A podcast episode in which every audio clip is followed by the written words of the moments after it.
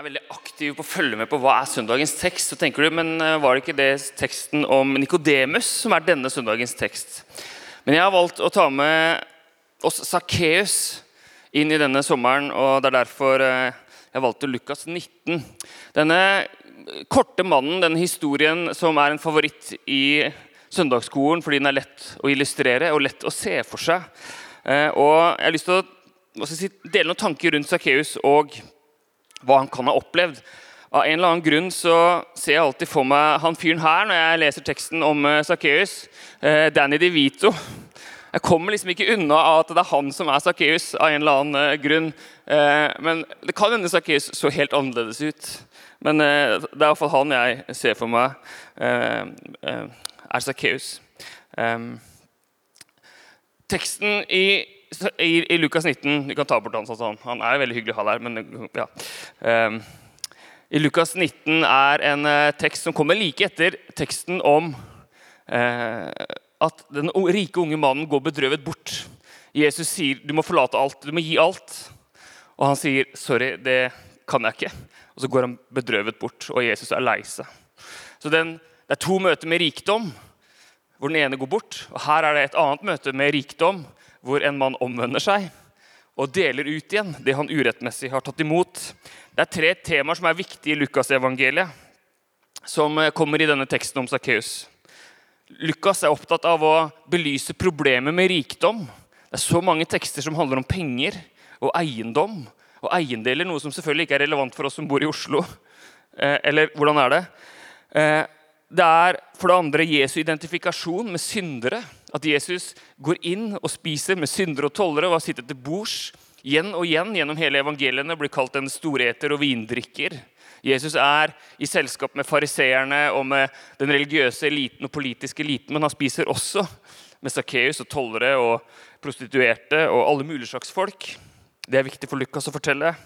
Og så er det denne, denne troen på at Jesus, eller Lukas vil vise en tro som anerkjenner Jesus som herre, og hva det kan føre til. Om man kan få nytt liv som resultat. Det er noe av det liksom, som er, ligger under denne teksten om Sakkeus. Og av alle innbyggerne i byen Jeriko så må de ha tenkt at det er ganske rart at det er Sakkeus man prater om fortsatt 2000 år senere. Eh, Sakkeus var utsatt selvfølgelig som toller. Og Jeg skal ikke ta noe lang utlegging nå om hva tollerne gjør. Jeg tror mange av oss har hørt det før, men Ikke bare var han toller, men han var overtoller. Så Han fikk bare ikke de pengene ekstra han tok kanskje selv fra andre, men kanskje han fikk det også pengene som andre tollere tok ekstra fra andre. Så i byen, når Sakkeus inviterte til fest, og folk så all den gode maten på bordet, eller så at huset ble finere og finere, eller han fikk flere og flere tjenere, så tenkte de disse pengene som han bruker til det, de har han fått fra meg eller fra mine venner eller fra andre som er undertrykt. I en periode av Romerrikets eh, liv i eh, Palestina og Israel og området der, så var det skattetrykket opp mot 90% Altså Man fiska ti fisk, og så ga man ni til keiseren i Roma gjennom tollerne i byene. For å komme inn og ut av byene så måtte man tolle. Så Sakkeus var ikke spesielt populær. Eh, og, og, vi, ser, vi kan se for oss Sakkeus som er allikevel interessert og nysgjerrig når Jesus kommer til byen. Hvem er Jesus? Han har kanskje hørt om Jesus, og han sniker seg opp i dette treet. Og Dette treet kan jo stå som et, et slags symbol på en søken, en oppriktig søken, en lengsel etter å se Jesus. Eller man kan tenke på treet som en slags frykt for å bli identifisert. Jeg har lyst til å holde meg på avstand, men jeg er nysgjerrig, så jeg trekker meg unna. Altså, man kan jo lage mange prekener om Sakkeus fra ulike perspektiv. Men det er Sakkeus i alle fall som vil se Jesus. Så han søker Jesus og går opp i treet. Eller er det historien om Gud som søker Sakkeus? Jesus som kommer gående og som stopper opp og ser Sakkeus. Ja, er det Sakkeus som søker Gud, eller er det Gud som søker Sakkeus? Ja, det er kanskje begge deler. Jeg skulle likt å sett blikket mellom Jesus og Sakkeus når Jesus sier, 'Sakkeus, kom ned. I dag må jeg ta inn hos deg.' 'Jeg vil ha fellesskap med deg. Vi må snakke sammen.' 'Kom ned, Sakkeus. Kom ned.' I Jeremia 29, 13, så står det at når dere søker meg, så skal dere finne meg. Ja, søker dere meg av et helt hjerte, la jeg, la jeg dere finne meg, sier Herren. Um, var det det Sakkeus gjorde? Var det det han ønska? Søkte han Gud av et helt hjerte, og derfor så lot Gud seg finne? Eller derfor så fant Gud Sakkeus? Eller hvilken rekkefølge er det her? Og hva er det å søke Gud av et helt hjerte? Jeg tenker jo at hvis Jesus er veien, sannheten og livet, så lar han seg finne. Noen ganger så er vi redd for at hvis vi stiller for mange spørsmål, så mister vi troen. Da mister vi Jesus, da mister vi Gud, fordi da blir han borte. Mens jeg tenker hvis Jesus er sannhet, så er jo hans sannhet i bånn. Liksom. Så hvis du virkelig leter etter sannhet, så kommer du til å ende opp hos Jesus. Det er en slags kanskje en naiv tanke jeg har, men i alle fall, Gud kommer dette løftet. Når dere søker meg, skal dere finne meg. Ja, søker dere meg av et helt hjerte, lar jeg meg finne. Så vil du finne ut hvem jeg er, sier Gud. Vil du oppdage mer enn det du har sett? Vil du oppdage hvem som står bak alt, hele skaperverket? Hvem som har skapt deg? Da må du søke meg. Du må strekke deg ut. Du må klatre opp i et tre eller finne en vei eller finne en måte. Men det er en betingelse. Du må gjøre det av et helt hjerte. Men hvis du gjør det med et helt hjerte, så lar jeg meg finne, sier Herren. Og man kan tenke han gjør det ikke spesielt enkelt. Han stiller et krav. Hvis du Hvis du søker meg av et helt hjerte Og er det ikke det vi trodde? Ja, at for å være kristen så er det ganske mange kriterier for å oppnå kontakt med Gud. Skal det gå an å finne Gud, erfare Gud, få bønnesvar eller hva det måtte være, så, så, man, så er det kriterier. Man må levere varene, liksom. Man må leve et hellig liv. Man må ikke gjøre noe dumt. Man må ha et helt hjerte. Ikke et delt hjerte, ikke et ødelagt hjerte, ikke et skittent hjerte. Men et helt hjerte. Da lar han seg finne. Jeg tror mange av oss forstår dette verset sånn. Og det er, ingen, det er, ikke, det er, det er ikke, rart. Vi tenker at ja, men, grunnen til at jeg ikke erfarer Gud så mye i livet mitt, det er for at jeg ikke har et helt hjerte. Eller det er ikke reint. Eller det er ikke bra nok. Men eh, noen jødiske rabbier og Calvin og flere andre sier at dette verset ikke skal ses på som et krav, men som et tilbud. Det å komme med Gud, komme til Gud, med et helt hjerte er ikke et krav, men et tilbud. En mulighet. For det betyr at du kan komme til Gud med hele hjertet ditt. Med rubbel og bit. Alt kan du komme til Gud med. Og hvis du gjør det, da lar han seg finne. Det er ikke et spørsmål om perfeksjon, men om integritet, oppriktighet kanskje, ærlighet. Og så vet ikke jeg hva du går inn i denne sommerferien med. Jeg tenkte på når Per ba bønnene når vi ba bønnene før vi hørte søndagens tekst lest. Vi går inn i sommerferien, og noen bare gleder seg. Fantastisk, det skal bli så bra med sommerferie. Andre tenker bare ni uker som aktivitetsleder, AKS-leder, og bare gruer seg. Eh, noen har kanskje ikke råd til å gjøre det man hadde lyst til. Noen har ikke fått pass. og stakkars dere. Nei, synes ikke, ja, samme det. Spesielt synd på dere. Men vi går inn i sommeren. Kanskje noen er ekstremt slitne. Noen har vært sykemeldt, vet jeg, av dere som er her. Noen av dere er syke. Og lurer på hva sier denne testen fra sykehuset, som jeg snart får vite svaret på. Altså, vi, vi, går inn i sommeren med liksom, veldig mange ulike ting. Så hva bor i hjertet ditt akkurat nå? Og Hvis du sitter i dette treet, har søkt treet, enten søkt beskyttelsen i treet, eller du liksom har søkt utsikten i treet så står Jesus der og så sier han, så ser han på deg. Og hva er det da som fins i hjertet ditt? Hva er det der? Av spørsmål, av glede, av forventning, av sorg, av tvil, av smerte. Eh, jeg tror dette verset og evangeliet sier at du trenger ikke å rydde unna, stable vekk, få orden på hjertet ditt, og så vise fram resultatet til Gud, og da lar han seg finne at liksom, Sånn er det noen ganger når vi får besøk. Eller vi vet vi skal få besøk, så bare rydder vi unna og lager en slags, en slags versjon av huset vårt som er litt bedre enn det vi har til vanlig. Det er jo litt sånn, det er vanskelig å bare Hvis folk kommer på døra og du liksom bare kikker bak ok, Skal vi se, skal jeg slippe folk inn? Ok, velkommen inn. Det er jo en, sånn, det er en kostnad i det. Men jeg tror det er sånn egentlig når Jesus kommer og står ved døra vår, så er det bare sånn Velkommen inn. Inn i livet. Inn i hverdagen. Akkurat sånn det er. Presens, kom inn. Jesus kom til Sakkeus før Sakkeus hadde rydda opp noe som helst. Mens han var en overtoller, mens han hadde vært grådig og og, og tatt fra, fra, de fattige og fra andre, så sier Jesus jeg har lyst til å komme inn til deg og ha måltid. Jeg trenger å komme inn til deg, Sakkeus. Jeg må komme inn til deg. Jeg må. Kanskje Jesus også hadde behov for Sakkeus, ikke bare motsatt. Nei, vi kan komme til Gud med hele hjertet. Akkurat slik det er. Det er ikke akkurat sånn at Gud blir overraska når vi sier at dette er status. Så Gud bare Å, nei, oi, det var Oi. Nei, nei. Altså, Gud vet jo hvordan det står til. Ikke sant? Gud vet jo det. Eh, så det handler jo ikke om det at jeg trenger å fortelle Gud hvordan det er. Eh, vi var, Noen av dere vet at vi var i Italia forrige uke med staben på en, en reise som jeg hadde lenge hatt lyst til å gjøre. og Vi var i et kloster blant annet, i tre dager. Et økumenisk kloster hvor de ber tidebønn tre ganger om dagen. Klokka seks, halv ett og halv sju.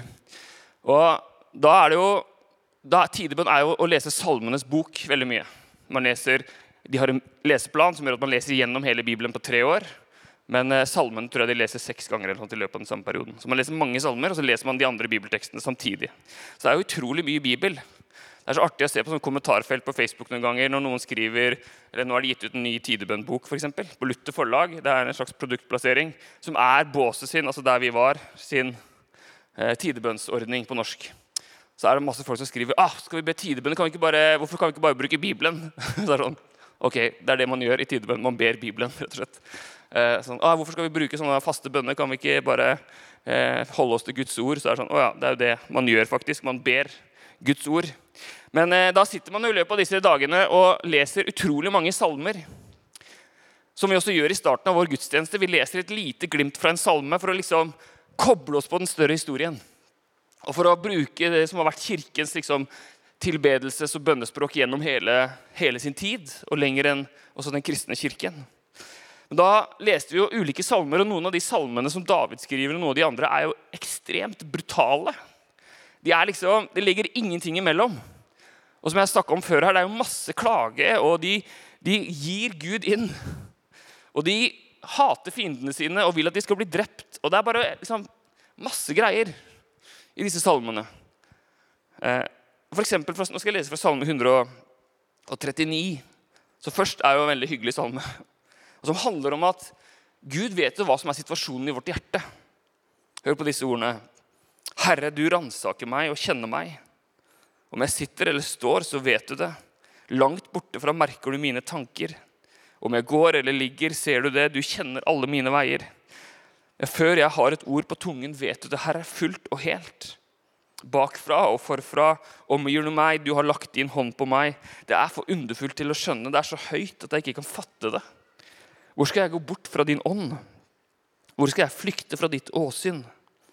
For du har skapt mitt indre, du har vevd meg i mors liv. Jeg takker deg fordi jeg er skapt på skremmende, underfullt vis.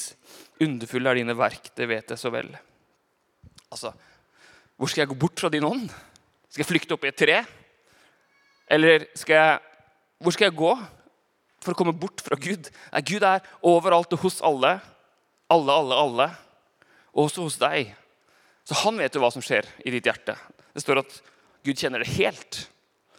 Gud vet status. Han vet hvordan det står til. Han visste hva Sakkeus hadde gjort og holdt på med. Han kjente til og med Sakkeus sitt navn. Han vil bare at du skal være du. Om du prøver å bli en kopi, om du prøver å leve et liv som ikke er ditt, ja, da er det vanskelig å få kontakt med seg selv og få kontakt med Gud. Et annet sted så skriver David et annet sted i Salmenes bok Folk stol alltid på Gud. Øs ut for ham det som fyller hjertet. Stol alltid på Gud, og øs ut for ham det som ligger på hjertet. Øs ut. Si det akkurat som det er. Dette, Gud, nå er det sommerferie. Eller nå er det, nå er det her. Nå er det 19. juni. Dette er status. Øs ut. Glede, takknemlighet, håp, forventning, sorg, tvil, sinne. Kom med det, liksom. Kom med det. Det du har på hjertet. Øs det ut. Det er et tilbud. Ikke krav, først og fremst, men et tilbud. Ikke kom til Gud som at han krever perfekte hjerter eller perfekte bønner. Men kom til Gud som en som kjenner deg fullstendig, som elsker deg grenseløst, og som du kan komme til fullt og helt med deg selv og si det fullt og helt som det er. Magnus Malm sier at vår eneste kontaktflate mot Gud er sannheten. Sannheten er den eneste kontaktflaten mot Gud. Hvis du prøver å skjule sannheten, så er det vanskelig. Men sannheten, den reelle, den reelle sannheten, virkeligheten om ditt liv, det er kontaktflaten til Gud og også til andre mennesker. At i sannheten, det er da det oppstår kontakt og nærhet. og Det er derfor noen av oss syns det er så vanskelig også. Augustin sa det ca. sånn på 400-tallet. Hvordan kan man komme nær Gud når man er langt borte fra seg selv? Eller som Therese Avila, nesten alle problemer i det åndelige livet stammer fra mangel på selvinnsikt. Altså, det er derfor det er bra, kan være så bra å snakke med noen i sjelesorg eller i terapi eller en god venn. For å liksom oppdage sannheten om seg selv. Det er derfor det er så, noen ganger så utrolig krevende og også fint å være i et samliv eller leve tett på noen hvor man blir speila og skjønner at ok, her er det jo noen greier som jeg må ta tak i. Og så når man gjør det, så bare oppdager man ok, det er jo et nytt liv som åpner seg opp. Et pot potensialet for et nytt liv. Sakkeus hadde jo sikkert masse greier i sitt hjerte. Hadde gjort masse ting som gjorde at han var utstøtt og ikke kunne delta i synagogen. sannsynligvis. Og så, så sier Jesus jeg må ta inn til deg. Jeg må komme inn til deg. Pete Scassero sier det på denne måten. Det fins ingen større tragedie i det åndelige livet enn å være virkelighetsfjern. Det sanne åndelige livet er ikke en flukt fra virkeligheten, men en absolutt forpliktelse til det. Mye kristen forkynnelse har jo handla om å, liksom, en slags virkelighetsfjern forkynnelse som handler om å komme oss vekk herfra. Eller liksom, la oss, la oss, ikke bry oss om hvordan vi har det, la oss bare snakke om Gud. Som om at det er en slags flukt. Men det er jo nettopp motsatt. at liksom, Ved å snakke sant om virkeligheten, så kan vi erfare Gud. Så hva bor i hjertet ditt? Der du sitter i treet, hva er det på hjertet ditt? Kanskje du kjenner etter, og så kommer du ikke på noe. Og det er helt greit. Eller du kjenner etter, og så har du bare masse gode følelser. og ja, det er fredelig. Altså, Kom til Gud med det. Vi har jo i vår gudstjeneste et liksom punkt med stillhet, eller no, flere punkter med stillhet.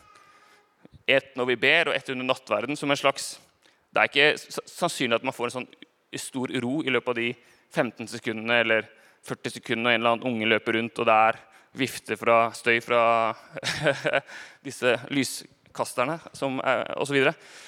Men det er et tegn allikevel. Et slags tegn. At i stillheten så, så, kan jeg prøve å finne ut hva er det som bor i hjertet mitt. Det, slags, det, det peker på noe større. Eh, jeg driver og øver meg på om dagen, eh, inspirert av min egen preken i januar, eh, men om konsentrasjon og ikke ha noe på øret. Altså ikke høre på noe. Ikke en eller annen bok til som jeg burde ha lest. Jeg har den ikke på øret. Jeg hører, det er så sjukt mange podkaster jeg ikke får med meg. Har du hørt den der? Har du sett den? Nei. Har du hørt den nyeste der? Nei. For jeg, jeg øver meg på å ikke ha noe på øret. for å bare, Når jeg går tur med den lille hvite kladden av en hund som vi har, som heter Buddy, så er det jo, det er jo noe bra med hund også. Og det er at han, han gjør at jeg må gå en tur med den iblant. Og da øver jeg meg på å ikke tenke nå skal jeg bruke den tida effektivt. Nei, da skal jeg bare gå så skal jeg bare tenke, være stille. Fordi hvis tanken flyr, da kan jeg plutselig finne ut å ja, det er det her da, som er på hjertet. Så la oss holde på disse punktene i gudstjenesten med stillhet. Jeg har vært i et par gudstjenester nå i ulike sammenhenger hvor, hvor det alltid ligger en synt i bakgrunnen. Altså de, Det skal aldri være stille i gudstjenesten, så det ligger alltid en synt i bakgrunnen. Jeg blir ekstremt sliten av det. Jeg mener det er hedenskap. Nei da. Bare for å si det diplomatisk. Men eh, spurte jeg en hvorfor gjør dere sånn her. Og så sa han jeg, jeg, har ikke tenkt på engang, men jeg er så vant til det fra underholdningsindustrien. Hvor han jobber også. Så jeg, ja, det er kanskje Verdt å merke seg. Men denne her stillheten ja, Et oppsnakk av stillheten. Jeg syns det er utrolig vanskelig å være stille. bare så dere vet det. Lenge nok. Sette seg ned i en stol og bare si nå skal være stille i 30 minutter. Ekstremt vanskelig. Men bare kampen for å bli stille i treet, sitte stille i treet, er jo i seg selv også en bønn. Gud, nå, jeg vil være stille. Du ser at kroppen min går alle veier, og jeg tenker alle mulige ting. Og jeg, og jeg får så lyst til å ta opp mobilen, eller Men liksom Nei, men jeg skal sitte stille i treet. For å finne ut hva som er sannheten, for å kunne få Eller ikke som et krav for å få kontakt med Gud, men for å øve meg i kontakt med Gud. Åpne meg opp for Guds nærvær. Så kan vi komme som sagt, inn i denne sommeren med mange ulike ting. Vi sitter i tre, treene våre i Jeriko og har ulike gleder eller bekymringer. Jeg leste eh, Henrik Syses halvårlige innlegg på Facebook i går. Eh, som jeg anbefaler hvis det ligger ute åpent. Han, han, Henrik Syse, filosof, eh, han var jo her en uke inn i korona. altså I mars 2020 så, så hadde vi sånn tematorsdag på sparket, så å si. Og Henrik satt her, vi var tre stykker, og snakka om hvordan takler man krise. Og Han delte noen ideer og tanker om det, og så skrev han også en bok om det i koronatid. Ord i krise. Hvordan, liksom, hvordan skal vi holde motet oppe i krise? Og Så skriver han i går at han er en sånn ukuelig optimist, for han orker ikke noe annet. Men så sier han nå er det spesielt krevende. Han syns det er krevende å være optimist, for han ser alt som skjer i verden.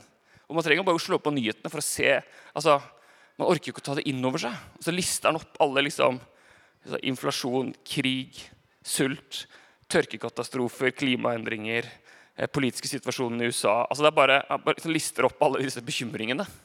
Han snakker om dette 30-tallet, som han kaller det. Kan bli mye verre enn det forrige 30-tallet på 1900-tallet. For nå, de nåværende folkene som vil gjøre som på 30-tallet, har teknologi, eh, overvåkning osv. Og, så og, og så skriver han likevel han sier at det er så mange grunner til å være pessimist. Da. Han så vi står på et vippepunkt. Men et vippepunkt kan også gå riktig vei. Men han skriver liksom sånn, han skriver ikke en sånn lettvint løsning. Han sier bare at vi må, vi må, han skriver ikke det at vi må be, men han sier at vi må ha håp. Og vi må, om, vi må ha nåde. Ord som nåde og håp, skriver han. Så sier han det må jeg huske å nevne på søndagsskolen i morgen på, i Fagerborg. Eh, altså i dag. Så kanskje du sitter i treet og er bekymra for økonomien din, for renteoppgang eller inflasjon eller klimakrise, som er på en måte den store trusselen. Og så sier ikke Gud der må du holde unna livet med meg. Nei, Gud sier kom med det. Kom med det. Hvor skal du gå ellers? Ja. Vi kan komme til Gud med livene våre sånn det er.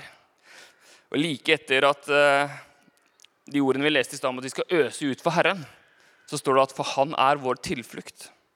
Øs ut for Herren fordi Han er vår tilflukt. Og Noen ganger så kan vi jo lure på det. Vi får lyst til å spørre er du det, Gud. Er du virkelig min tilflukt? Og I verset rett før at, det, at vi skal komme til Gud med hele vårt hjerte, så står det For jeg vet hvilke tanker jeg har med dere, sier Herren. Fredstanker og ikke ulykkestanker. Jeg vil gi dere framtid og håp. Når dere kaller på meg og kommer til meg med deres bønner, vil jeg høre dere. Altså Det er et løfte. Og vi kan samtidig liksom lese det som en slags klage. Ok, Gud, men da må du søren meg komme. Da må, du, da må du gripe inn i våre situasjoner. Det var ikke sånn at folk ikke ba eller ikke ber i Ukraina, eller at folk ikke ba på Utøya, som ble minna i går, eller at folk ikke ber på intensiven. Så Gud, kan du høre? Vi kommer til deg med hele vårt hjerte.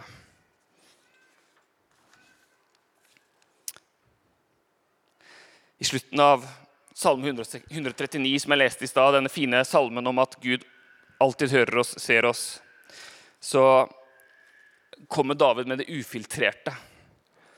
Jeg har det ikke på tekst der, men han sier liksom Å Gud, om du ville drepe de onde og la drapsmennene vike fra meg, de som taler svikefullt om deg og reiser seg mot deg i ondskap. Jeg hater jo dine fiender, Herre, har avsky for dem som står deg imot. Jeg hater dem med et grenseløst hat og holder dem for mine fiender. Altså Plutselig blir liksom David fra liksom, 'Å Gud, du er så fin, og du ser meg, og jeg elsker alle', til liksom bare 'Jeg hater disse folka'. Grenseløst hat snakker han om. David, liksom. Kong David. Men det viser igjen, da. Kom med, kom med det for Gud. Kom med alt til Gud. Men så slutter Salme 139 med disse ordene. Ransak meg, Gud, og kjenn mitt hjerte. Prøv meg og kjenn mine tanker. Se om jeg er på den onde vei, og led meg på evighetens vei. Vi kommer til Gud med hjertene våre. Vi sitter i treet med hjertene våre. Og så står Jesus der og så sier han, 'Jeg vil inn til deg i dag'. Og hva er det da som kommer? Hva er det vi kommer med? Jo, han har ikke lova fravær av ondskap eller vonde ting, men han har lova nærvær i alt. Så har vi det kristne håpet om at alt en gang skal bli bra, at alle tårer skal bli tørka. Vi har det, men allikevel kan det være krevende å holde fast på i tider som dette. Men denne sommeren så inviterer jeg oss til å tenke på Sakkeus. At vi sitter, tenker at jeg sitter i dette treet som er mitt liv, så å si. Og her er status quo. Det var ikke sånn på bibelskolen da jeg var 20, eller det var ikke sånn som det var før, eller jeg har denne lengselen om at det skal bli sånn, eller Man sitter der med, med hjertet sitt, og så kommer Jesus der og så sier han, 'Jeg må inn til deg. Jeg vil inn til deg.' Og så ser vi hva som kan skje i det møtet. Så skjer det jo mye.